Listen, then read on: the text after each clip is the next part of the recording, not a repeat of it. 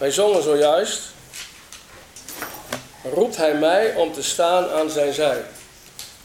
En dat is nogal wat. Want als wij voor de hemelpoort staan en gestaan hebben, zijn wij inmiddels opgenomen en zijn wij deelachtig geworden aan het toekomende werk van de Heer. En als wij dan staan aan zijn zij, is dat niet gewoon als een soort statisch geheel. Maar dat betekent ook dat wij staan aan zijn zij in het werk wat hij dan gaat doen. Dus dat vond ik nogal treffend, dat we dat net drie keer lazen. Om te staan aan zijn zij. Ik wil vanmorgen met u naar openbaring 19 gaan. En wellicht komt dat dan nog weer voorbij. We moeten altijd weer de verbinding zoeken. Ik wil graag met u gaan naar openbaring 19. En dat lezen we niet helemaal. Maar dan vanaf vers 1 tot en met 10.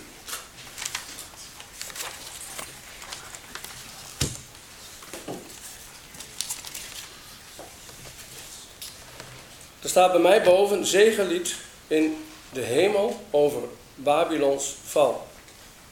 Dat is vrij vertaald natuurlijk, dat is de interpretatie van de vertalers. Het kan zijn dat u iets anders hebt. Ehm, maar ik ga het lezen in vers 1 tot en met 10.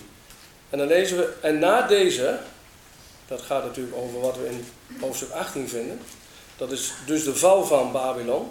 Na deze hoorde ik als een grote stem, een grote schare in de hemel, zeggende, Halleluja. De zaligheid en de heerlijkheid en de eer en de kracht, zij de Heer onze God. Want zijn oordelen zijn waarachtig en rechtvaardig, terwijl hij de grote hoer geoordeeld heeft, die de aarde verdorven heeft met hoerij, en hij heeft het bloed zijner dienaren van de hand gewroken. En zij zeiden ten tweede male, Halleluja, en haar rook gaat op in alle eeuwigheid. En de 24 ouderlingen en de vier dieren vielen neer en aanbaden God die op de troon zat, zeggende, Amen, Halleluja. En een stem kwam uit de troon, een stem kwam uit de troon, zeggende, Lof, looft onze God, gij al zijn dienstknechten, en gij die hem vreest, beiden groot en klein. En dan een gedeelte waarboven staat de bruiloft des lams, vers 6. En ik hoorde als een stem van grote scharen en als een stem veler wateren en als een stem van sterke donderslagen, zeggende, Halleluja, want de Heer, de Almachtige God, heeft als koning geheerst. Laat ons blijde zijn en vreugde bedrijven en hem heerlijkheid geven, want de bruiloft des lams is gekomen en zijn vrouw heeft zichzelf bereid. En haar is gegeven dat zij bekleed worden met rein en blinkend fijn lijnwaard, want dit fijn lijnwaard zijn de rechtvaardigmakingen der heiligen. En hij zeide tot mij, schrijf, zalig zijn zij die geroepen zijn tot het avondmaal van de bruiloft des lams. En hij zeide tot mij, deze zijn de waarachtige woorden Gods. En ik viel neer voor zijn voeten om hem te aanbidden. En hij zeide tot mij, zie dat gij dat niet doet, want ik ben uw mededienstknecht en uw broederen, die de getuigenis van Jezus hebben. Aanbid God. En dan de kerktekst voor mij. Want de getuigenis van Jezus is de geest der profetie. Nou, dat gaat mij natuurlijk niet lukken om uit te leggen wat hier allemaal beschreven wordt, want het is één groot feest. Het is één grote lofprijs in de hemel, omdat er een einde is gekomen aan de macht van Babel en omdat er een einde is gekomen van het boze op deze aarde. En er is een begin gemaakt met datgene wat de Heer ooit al eens beloofd heeft aan David. Dat is namelijk de oprichting van het Messiaanse Rijk. We staan hier eigenlijk aan het begin van wat we noemen de duizend jaren, maar vooraf daaraan zal dus de grote tegenstander ten neergeworpen worden. Maar ik moet eerst eigenlijk wat anders met u delen, want ik moet een beetje een aanloop hebben. Vorige week mocht ik nadenken, ergens anders, over die tekst die we lezen in het Oude Testament. Um, eigenlijk een koppeling van wat we ook in Romeinen 8 lezen. Dat het lijden van deze tegenwoordige wereld, tijd ook, niet opweegt. Niet opweegt in gewicht of waarde of wat dan ook, of in volume, hoe je dat dan ook moet zien. Maar als dat al enig gewicht heeft, dan weegt dat niet op tegen de heerlijkheid sorry, die over ons geopenbaard wordt. Met andere woorden, het gaat niet over het lijden nu, dat we ons daarop focussen, maar het gaat om de toekomstige heerlijkheid. Het gaat om hetgeen geopenbaard gaat worden, wellicht op korte tijd, korte termijn. Dat kan nooit lang meer duren, denken we. Maar de Heer gaat een werk doen, zichtbaar voor de wereld, zoals hij nu in het verborgene is. En dat, dat werk dat gaat straks wereldwijd plaatsvinden. En zoals we net al zongen, en ik zal staan aan zijn zij, geloven wij dat wij mogen delen in het werk wat hij doet. Want vlakbij Romeinen 8, vers 18, lezen we ook dat als wij delen in zijn lijden, zullen we ook delen in zijn verheerlijking. Immers, wij zijn mede-erfgenamen Gods en mede-erfgenamen van Christus. Dus datgene wat wij als kinderen Gods wacht, is deelachtig te zijn aan zijn werk. Wij zijn een hemels koninkrijk, wij zijn getrokken uit de tegenwoordige boze wereld en overgebracht in het koninkrijk zijn liefde. Wij horen hier niet meer bij, wij zijn vreemdelingen en bijwoners, sla je pinnen niet te diep, want we zijn op reis. En wij worden hier ooit weggehaald. En dan staan we, sorry voor het aanhalen van het lied, maar dan staan we aan zijn zij. Dan delen we in zijn toekomstige werk. En dan wordt hier een begin mee gemaakt, daar wordt hier op gewezen.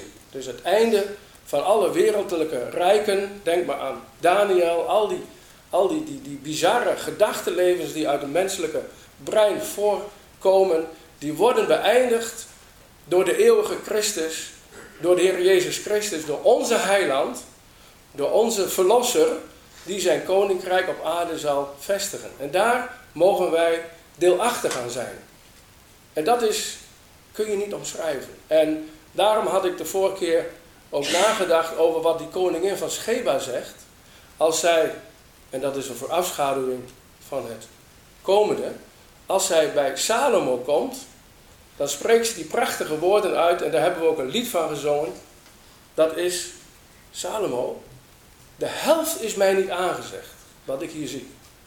En dan prijst ze gelukkig Salomo, maar ook de mensen die rondom Salomo zijn huis zien en deelachtig zijn aan zijn dagelijkse werkzaamheden. Je moet zien dat, dat Salomo in zijn heerlijke koninkrijk, wat hij mocht oprichten, een type is van Christus.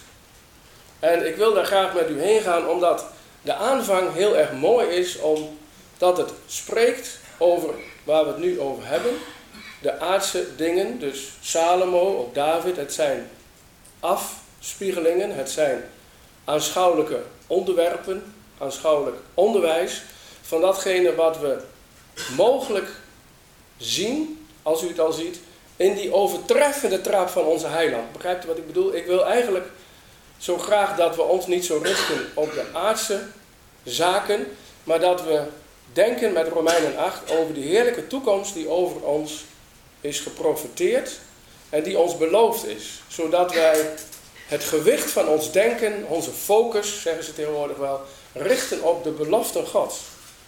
En dat is namelijk ook verstandig, want wij weten dat alles wat zichtbaar is voorbij gaat.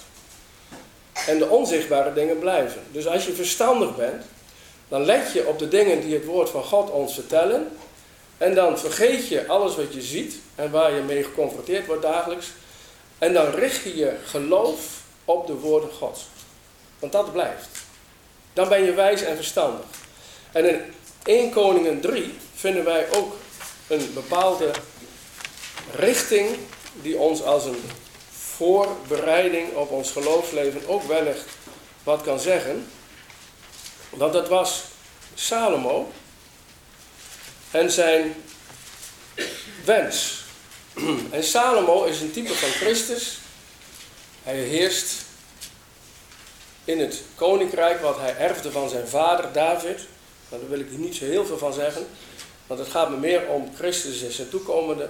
Maar om enig idee te krijgen over de voorloop en de voorbeelden en de voorafschaduwingen die we vinden, is het wel echt belangrijk dat we iets van de aanleiding vinden van die vervulling van die profetieën. Want, en dan kom je ook op het volgende, als je antwoorden wilt vinden op bijbelse vragen, dan moet je ze ook niet buiten de Bijbel zoeken, maar dan moet je ze ook binnen de Bijbel zoeken. En als je de Bijbel leest van Genesis tot Openbaring, en wij lezen nu Openbaring, dan heb je al heel veel voorbij zien komen. En krijg je dan vragen onderweg, dan vind je die antwoorden onderweg of misschien pas aan het eind. Maar binnen Gods woord. En dat zou eigenlijk ook onze richting zijn. Ga ze er niet buiten zoeken, maar zoek ze dan ook binnen de context.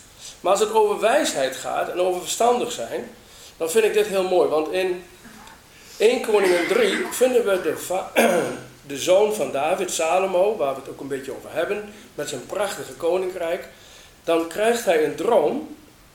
En dan ik, ik ga even naar het midden van die droom, dan zegt hij in 1 Koningin 3 vers 7, Nu dan Heer, mijn God, gij hebt uw koning Gij hebt uw knecht koning gemaakt in de plaats van mijn vader David.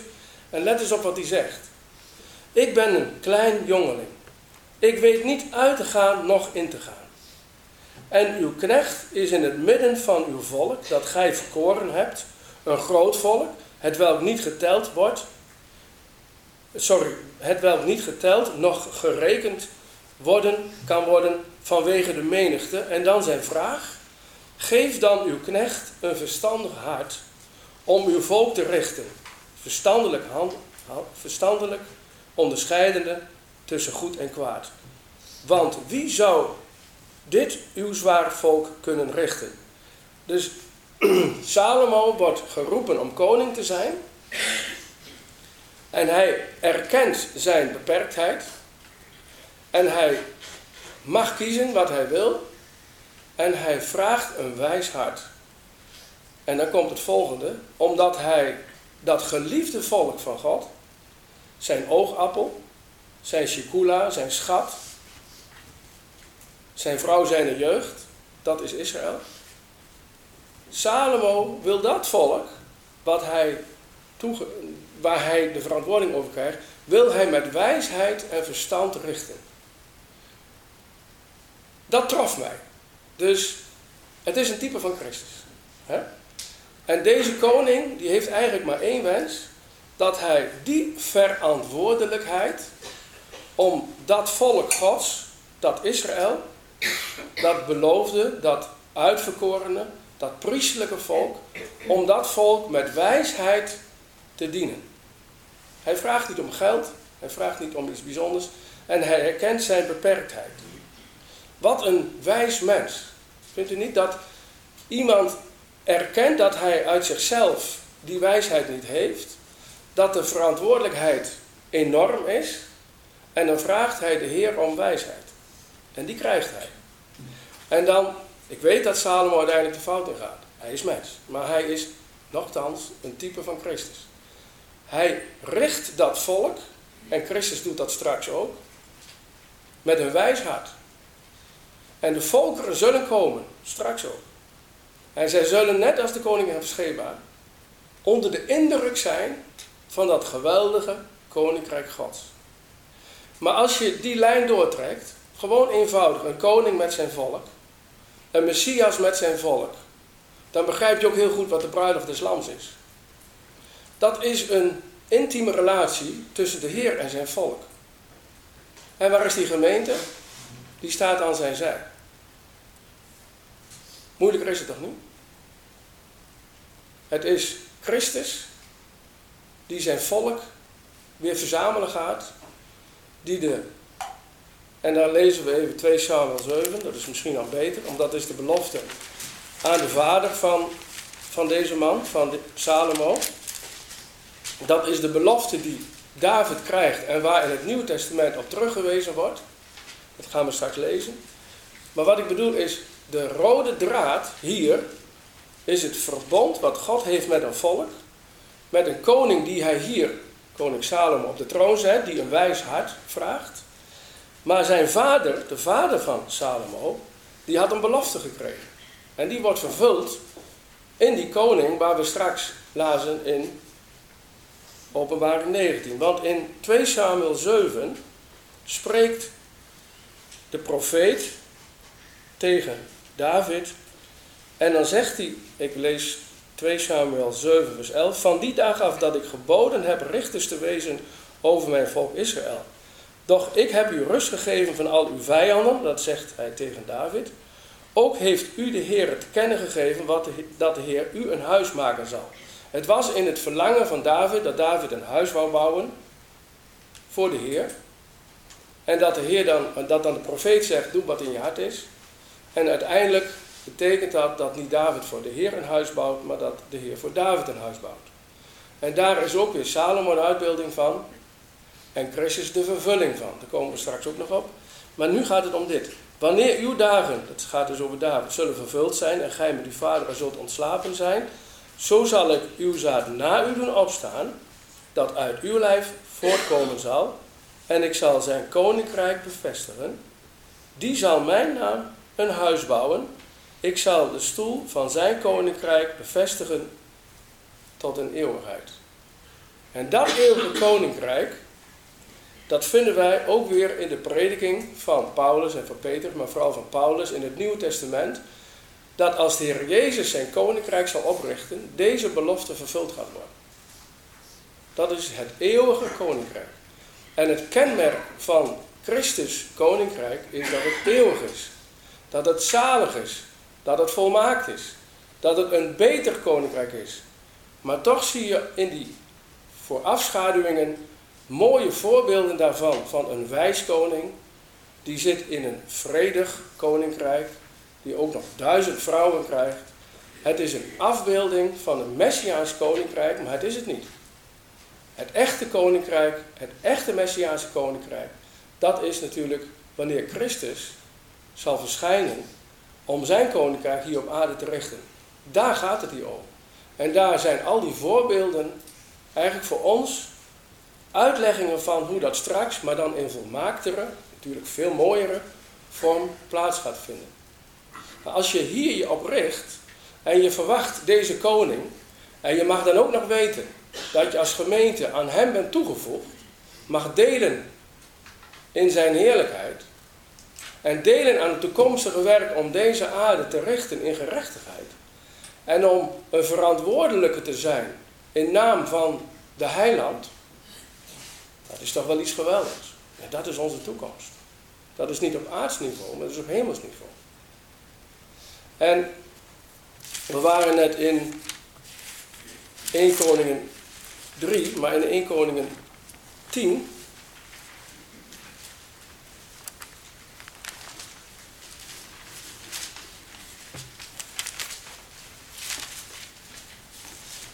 vinden we, voor degene die dat niet kenden, de ongelooflijke indruk die het rijk van koning Salomo maakte op de volkeren die straks zullen optrekken om dat te gaan aanschouwen. Want daar is zij natuurlijk een beeld van. Zij kwam van verre en zij wilde die wijsheid van die vrede koning graag beproeven. Zij, in het begin staat dat ze hem zelfs met raadselen wilde verzoeken. Dus ze had nogal wat vragen. En dan lezen we aan het einde van vers, of eigenlijk aan vers 5. En de spijzen en zijn tafel, en het zitten zijn knechten, en het staan van zijn dienaren, hun kledingen, hun schenkers, zijn opgang, waardoor hij heen en opging in het huis des Heren.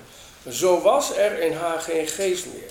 Zij was totaal overrompeld. Zij was boven verwachting verrast en onder de indruk van wat deze wijze koning tot stand had gebracht. En dan verder, en zij zeiden tot de koning, het woord is waarheid geweest, dat ik in mijn land gehoord heb, van uw zaken en van uw wijsheid. Ik heb die woorden niet geloofd, totdat ik gekomen ben en mijn ogen dat gezien hebben, zie, de helft is mij niet aangezegd. Gij hebt met wijsheid en goed, en goed overtroffen het gerucht dat ik gehoord heb. En dan, dit vind ik ook zo'n bijzondere tekst. Wel gelukzalig, zegt ze tegen koning Salomo, wel gelukzalig zijn de mannen, wel gelukzalig zijn deze uw knechten, die gedurig voor uw aangezicht staan, die uw wijsheid horen. Is dat niet prachtig? Als wij aan de voeten van onze koning zitten, van onze levensvorst, van degene die ons het leven gaf, dan zijn wij toch ook voortdurend onder de indruk van zijn woorden. En nu ga ik naar openbaring 19 weer, want daar ging het mij uiteindelijk om. Dus ik ga nu ook lezen, want anders dan denkt u, hij uh, moet toch een beetje bij de tekst blijven natuurlijk. Maar de aanloop hiervan is, zover als ik het begrijp, laten we dat even bescheiden zeggen, is het dit een aanloop op het Messiaanse Rijk, waarvoor de Heer Jezus de koninkrijken op deze aarde overwint. Hij zal komen. Hij zal de koninkrijken vertrappen als pottenbakkerswerk, zegt Psalm 2.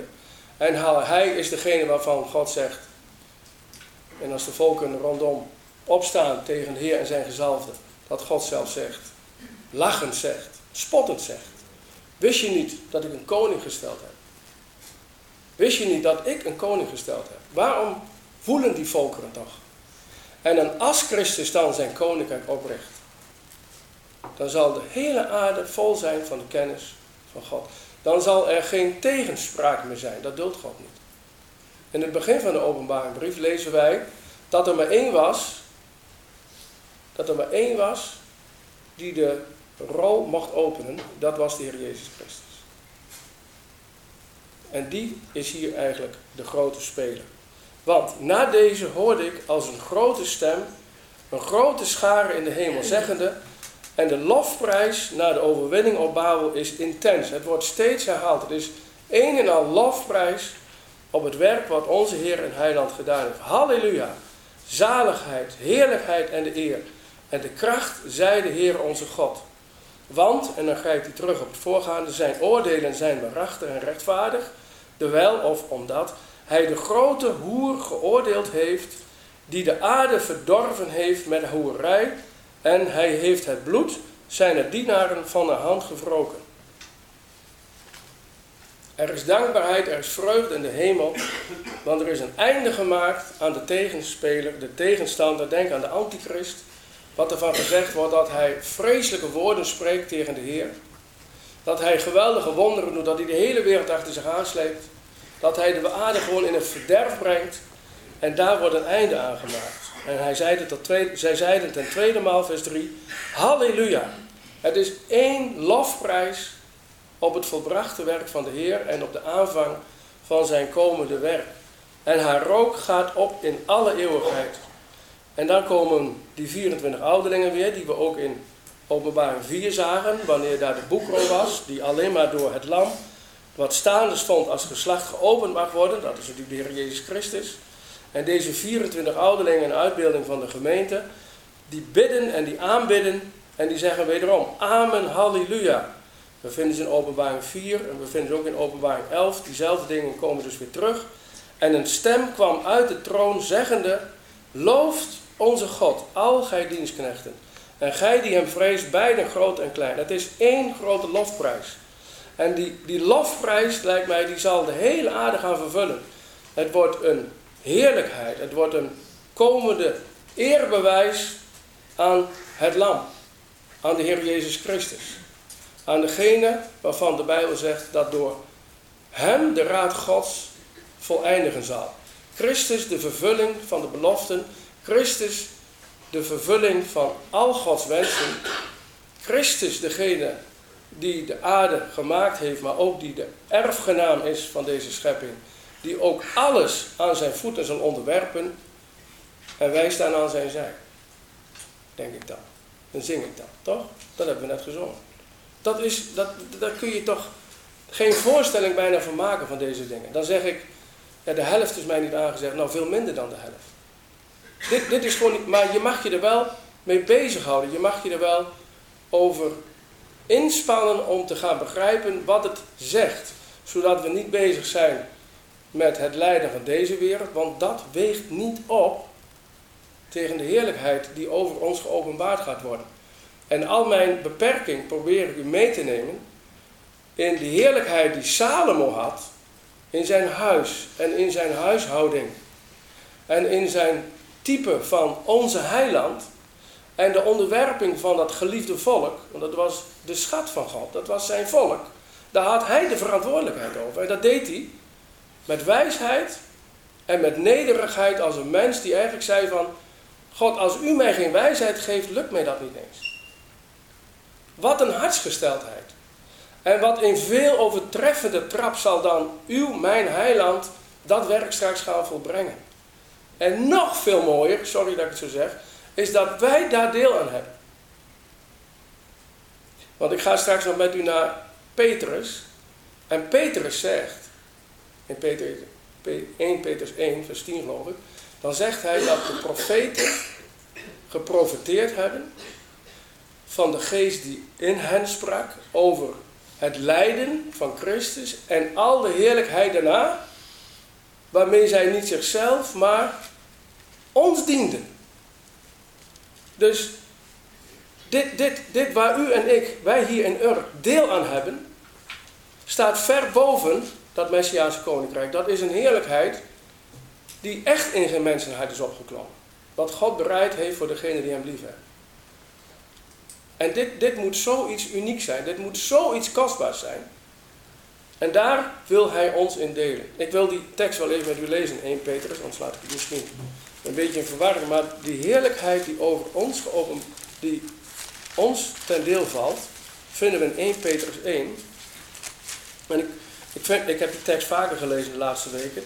Maar ik vind hem zo sprekend. Ik vind net als dat van Salomo, met die koningin die daar komt en die heerlijkheid en dat beeld wat dat uh, voor ons uh, getekend wordt eigenlijk. Dan lezen wij, en dan begin ik maar in vers 8 van 1 Petrus 1, voor een aanloop, de welke gij niet gezien hebt en nogthans lief hebt, en de welke gij nu, hoewel gij hem niet ziende, maar gelovende verheugt, met een onuitsprekelijke en verheerlijkte vreugde, vreugde, verkrijgende het einde van uw geloof, namelijk de zaligheid der ziel. Daar ligt onze bestemming, de zaligheid der ziel, het eeuwige, de, het, het, het gelukzalige, het vrij van alles, het, het volmaakte, wat Hij, Christus, ons schonk, door zijn leven. Van welke zaligheid, en daar komt hij, van welke zaligheid, dus onze zaligheid, ondervraagd en onderzocht hebben de profeten, die geprofiteerd hebben van de genade aan u geschied. Niet aan hen, maar aan u geschied. Zij droegen als het ware een boodschap over hun eigen hoofden weg naar een volk uit alle volkeren, het lichaam van Christus, de gemeente. En dan gaan we verder. Onderzoekende op welke of hoedanige de tijd van, sorry, de tijd, de geest van Christus, ik lees het nog een keer, onderzoekende op welke of hoedanige tijd de geest van Christus die in hen was, beduidde en tevoren getuigde, wat dan? Nou, het lijden dat op Christus komen zou en de heerlijkheid daarna volgende, en dan vers 12, de welke geopenbaard is dat zij niet zichzelf maar ons bedienden. Deze dingen die u nu aangediend zijn bij degene die u het evangelie verkondigd hebben door de Heilige Geest, die van de hemel gezonden is, in welke dingen de engelen begeerig zijn in te zien. Dat gaat nog een stapje hoger als de koning Sheba. Dit is ongelooflijk. Dit is niet te vatten, broeders en zusters. Wat ons deel is. Door geloof. Wij krijgen de heerlijkheid van Christus. Wij krijgen zijn deel. Wij zijn met hem erfgenamen. Wij worden getrokken nu al boven deze wereldse gepeupel en onzin. En onze focus richt zich op zijn woorden. En daar zijn al die verhalen, die geschiedenissen beter gezegd, voor afschaduwing ervan. Maar ons treft een veel beter lot. Dit, dit is niet te beschrijven, denk ik. Ja, het wordt wel beschreven, maar dan nog in beperking. Dan terug naar openbaring. Dan lees ik dus, maar weer vanaf vers 6. En ik hoorde, in openbaring 19, ik hoorde als een stem een grote schare en als een stem van vele wateren en als een stem van sterke donderslagen, zeggende, Het lijkt wel een voortdurende repetitie of een herhaling van de lofprijs. Halleluja. En dan komt hij. Want de Heere, de Almachtige God, heeft als koning geheerst. En in openbaring 11, vers 17 staat dezelfde uitspraak. Het gaat ook over die, over die vervulling, over dat begin, zou je kunnen zeggen. Of, en dan wordt het iets anders omschreven. Er staat, en dat is het, de zevende engel. U weet, er is een boekrol met zeven zegels. En die zevende zegel, dan hoor je zeven engelen. En die engelen die gieten uit. En die zevende engel, zeg maar bij het uitrollen, bij het, bij het, het de zou ik maar zeggen, de, de, het einde daarvan. Wanneer al die oordelen zijn uitgesproken. En dan lezen wij in vers 17 van openbaring 11. Ik begin liever bij 15. En de zevende engel heeft gebazuind en er geschieden grote stemmen in de hemel zeggen de koninkrijken der wereld zijn geworden van onze Heer en van zijn Christus. En hij, de zoon Davids, zal heersen in alle eeuwigheid. En weer, de 24 ouderlingen die voor God zitten op hun tronen, vielen op hun aangezichten en aanbaden God. En dan lezen we eenzelfde tekst als we net in openbaar 19 lazen. Wij danken u, Heere God, Almachtig, die is en die was, en die komen zal, dat gij uw grote kracht hebt aangenomen en als koning hebt geheerst. De dank is zo groot in de hemel dat de Messias na zijn geduldig wachten, dat zegt Petrus ook, het is genade dat het nog niet zo ver is, het is geduldig wachten, die tijd. Hij wacht. Het is spotten als je zegt, nou hij komt niet meer. Maar Petrus legt uit, het is genade. Dat God nog wacht. En als het dan zover is, en hij zal dan als koning heersen. Dit, dit, dit moet een ontzaglijke ontknoping zijn als de Messias verschijnt, want daar gaat het boek ook over, de openbaring van de Messias.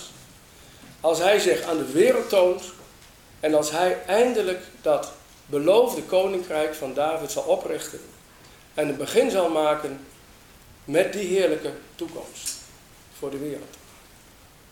En daar zijn wij bij. Want wij zijn voor die tijd bij Hem geroepen en mogen dan als we trouw zijn geweest aan Hem delen in Zijn heerlijkheid. Ik ga verder bij openbaring 19. En dan lezen wij, laat ons blijde zijn en vreugde bedrijven en Hem heerlijkheid geven, want de bruiloft des lams is gekomen en zijn vrouw heeft zich bereid. In mijn bescheiden mening, en het is een heel moeilijk onderwerp, maar voor mij is het gewoon heel eenvoudig. Dit gaat tussen de Heer Jezus die zijn koninkrijk opricht en zijn volk wat hij verzamelt. Gewoon het aardse koninkrijk, het Jeruzalem wat opgebouwd wordt. Babel wat gevallen is. En wij zijn van een andere orde. Dus ik ga er dan ook gewoon verder mee. En uh, het, is, het is voor velen in onze, bij onze broeders en zusters een moeilijk onderwerp, maar ik, ik kan er hier niet de gemeente in vinden, omdat ik en ik wil u wel met u naar Jezaja gaan en andere bijbelteksten waarin heel duidelijk staat dat de Heer zijn verbond en zijn huwelijk met zijn volk gewoon weer gaat oprichten en dat hier dus ook een begin daarvan gemaakt wordt. Maar nogmaals, mijn focus vanmorgen ligt op het heerlijke werk wat Christus tot stand zal brengen. En op het deel hebben aan die heerlijkheid die wij daaraan mogen hebben. Opdat uit deze wereld getrokken worden, hem gelijk, zijn koninkrijk gelijk, zijn deel gelijk worden. Zijn heerlijkheid mogen proeven en mee mogen regeren met hem. Daar probeer ik mij een beeld van te vormen aan de hand van die oud-testamentische geschiedenissen. En zie ik overal mijn heiland in eer en glorie tevoorschijn uit deze wereld als een, als een volmaakte, als een vervulling van alle uh, beloften Gods want daar, daar gaat dit gedeelte over. Want het eindigt ook met die prachtige woorden die ik u net ook las. Maar daar wil ik nu ook naartoe. En haar is gegeven dat zij bekleed worden met rein en blinkend lijnwaard. Want dit lijnwaard zijn de rechtvaardig maken in de heiligen. Ja, er komen mensen uit de grote verdrukking. Er zijn mensen trouw gebleven aan hem. En die zullen er ook mee overkleed worden. En dan zegt hij, schrijf, zalig zijn zij die geroepen zijn tot het avondmaal van de bruidegom des lams en hij zeide tot mij, deze zijn waarachtige woorden Gods. En ik viel neer voor zijn voeten om hem, de Heer, te aanbidden. Nee, dat was niet de Heer, zegt hij. En hij zeide, zie toe dat gij dat niet doet. Het was een dienstknecht. Een mededienstknecht, uw broederen, die het getuigenis van Jezus hebben. Aanbid God, want de getuigenis van Jezus is de geest der profetie. En eigenlijk vond ik dit een hele mooie tekst.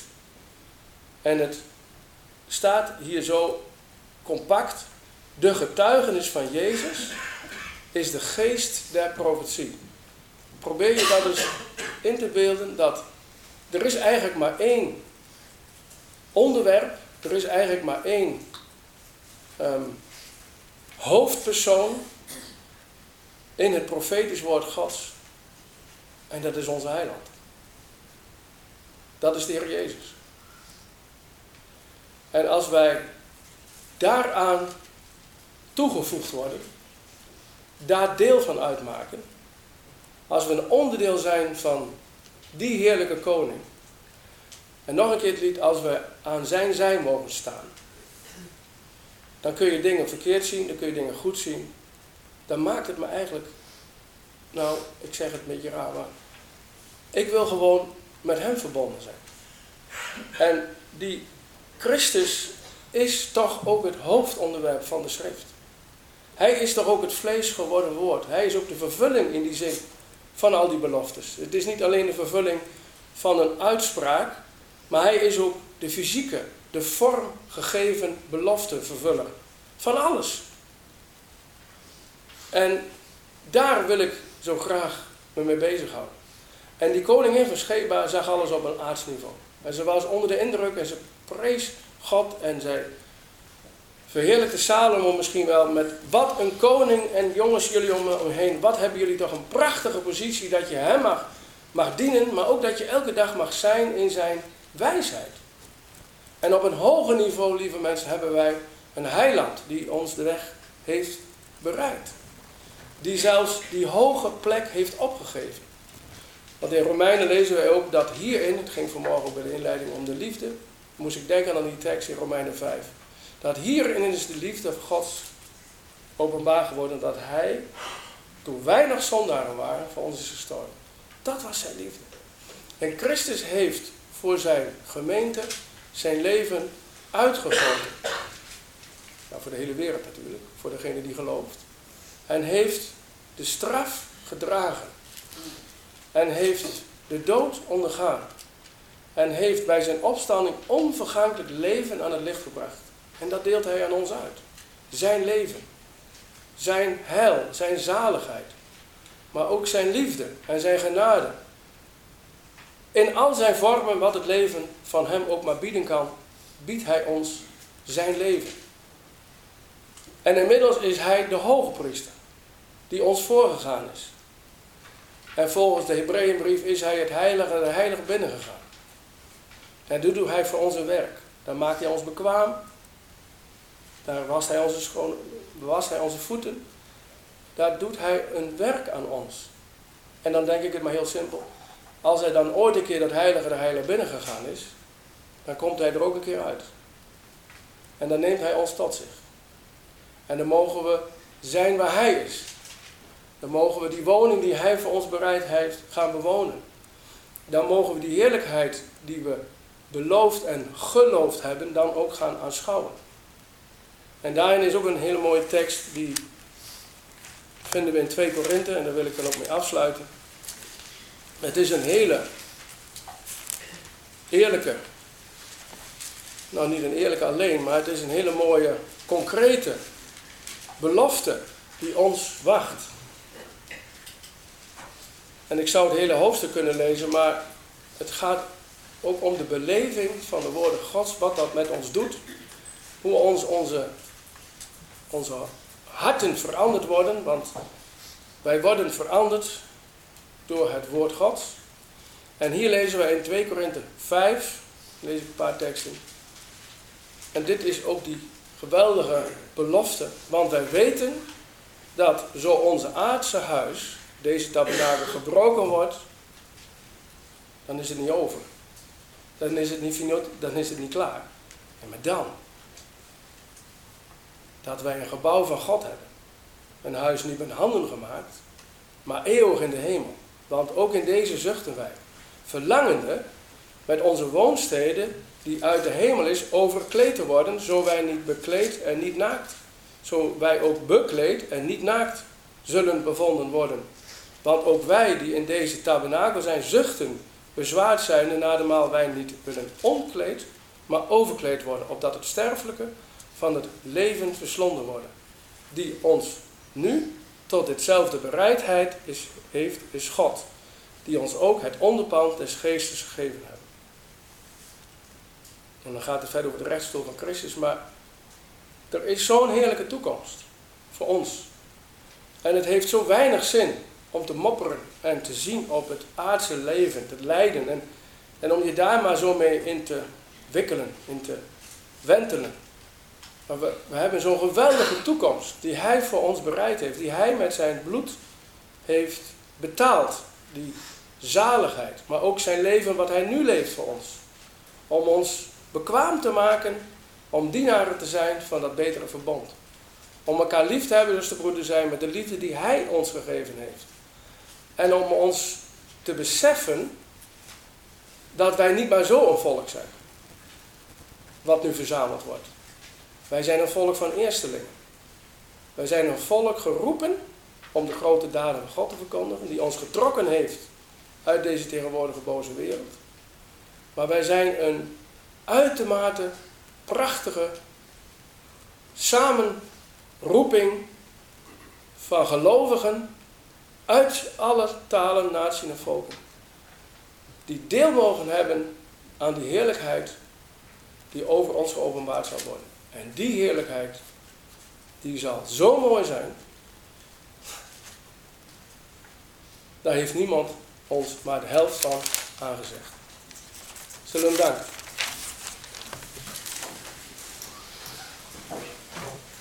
Heer Jezus, ik voel me eigenlijk net als Salomo. Het is best lastig om te vertellen wat je begrijpt, als je het al begrijpt.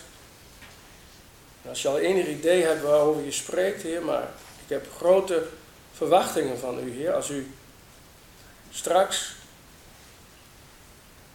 een werk doet in deze wereld, een einde maakt aan, aan die tegenspreker, een einde maakt, Heer, aan die hoer, aan dat eeuwige verderf, aan al die koninkrijken.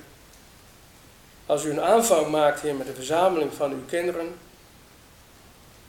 Als u een koninkrijk opricht op deze aarde, om deze aarde gerechtigheid en recht te geven, om ja, uw heil te doen verkondigen over de hele wereld, waardoor volken ook op zullen trekken om uw wijsheid te horen. En Heer, dat dat we begrijpen uit uw woord dat daar een volk bij dienen mag, gebruikt mag worden. Een volk wat trouw is gebleken. Ze spraken allerlei talen en u verzamelde ze overal vandaan. Heer, u hebt ze de volheid genoemd en als deze binnengaat, Heer, dan mogen zij ook delen in dat toekomstige werk. Heer, wat geweldig om te zitten aan uw voeten, om te luisteren naar uw woorden, om te begrijpen